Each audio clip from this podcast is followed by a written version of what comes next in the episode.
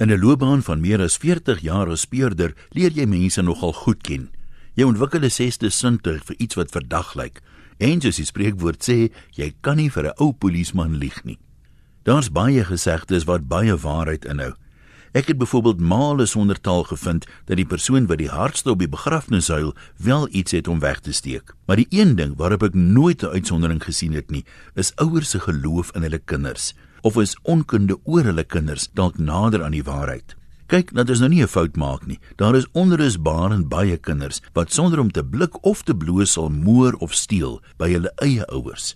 Baie ander is aktief betrokke by bendes wat van misdaad leef of soos my ouma gesê het, hulle is sommer net vuil goed.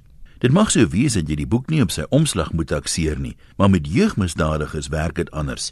9 uit 10 keer uit kan jy die belhamel dadelik eien. Maar as ek nou sê jy, dan sluit dit nie die ouers in nie.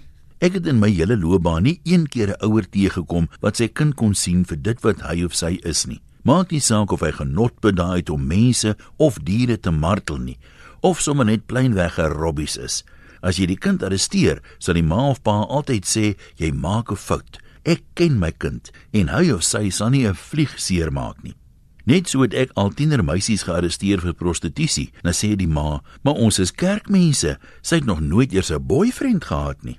Wanneer veral tiener meisies wegloop van die huis af, word dit gewoonlik vooraf gegaan deur 'n spul leuns om die ouers te mislei. Maar die ouers wil dit nooit glo nie. Dis altyd slegte vriende of 'n ouer man wat met die kind se kop smokkel. Party kinders loop weg om te ontvlug van die gewelddadige verhoudings van hulle ouers, maar ook daarvoor is die ouers blind.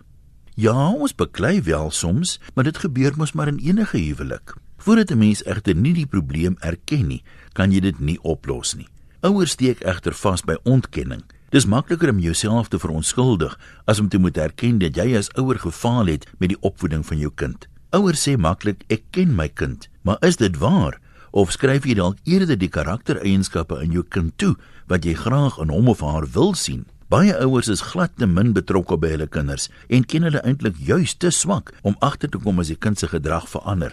Jou voorbeeldige kind het dalk in 'n rebelse tiener verander sonder dat jy dit eers besef. Een ding wat ek wel weet, en dit is dat wanneer jy terugkyk, daar byna altyd tekens is wat aangedui het dat die kind besig was om die pad byster te raak. Dalk moet al die ouers weer 'n slag hand in eie boesem steek voor dit te laat is. Voorsorg bly mos beter as nasorg. Groete van oor tot oor. Antoniem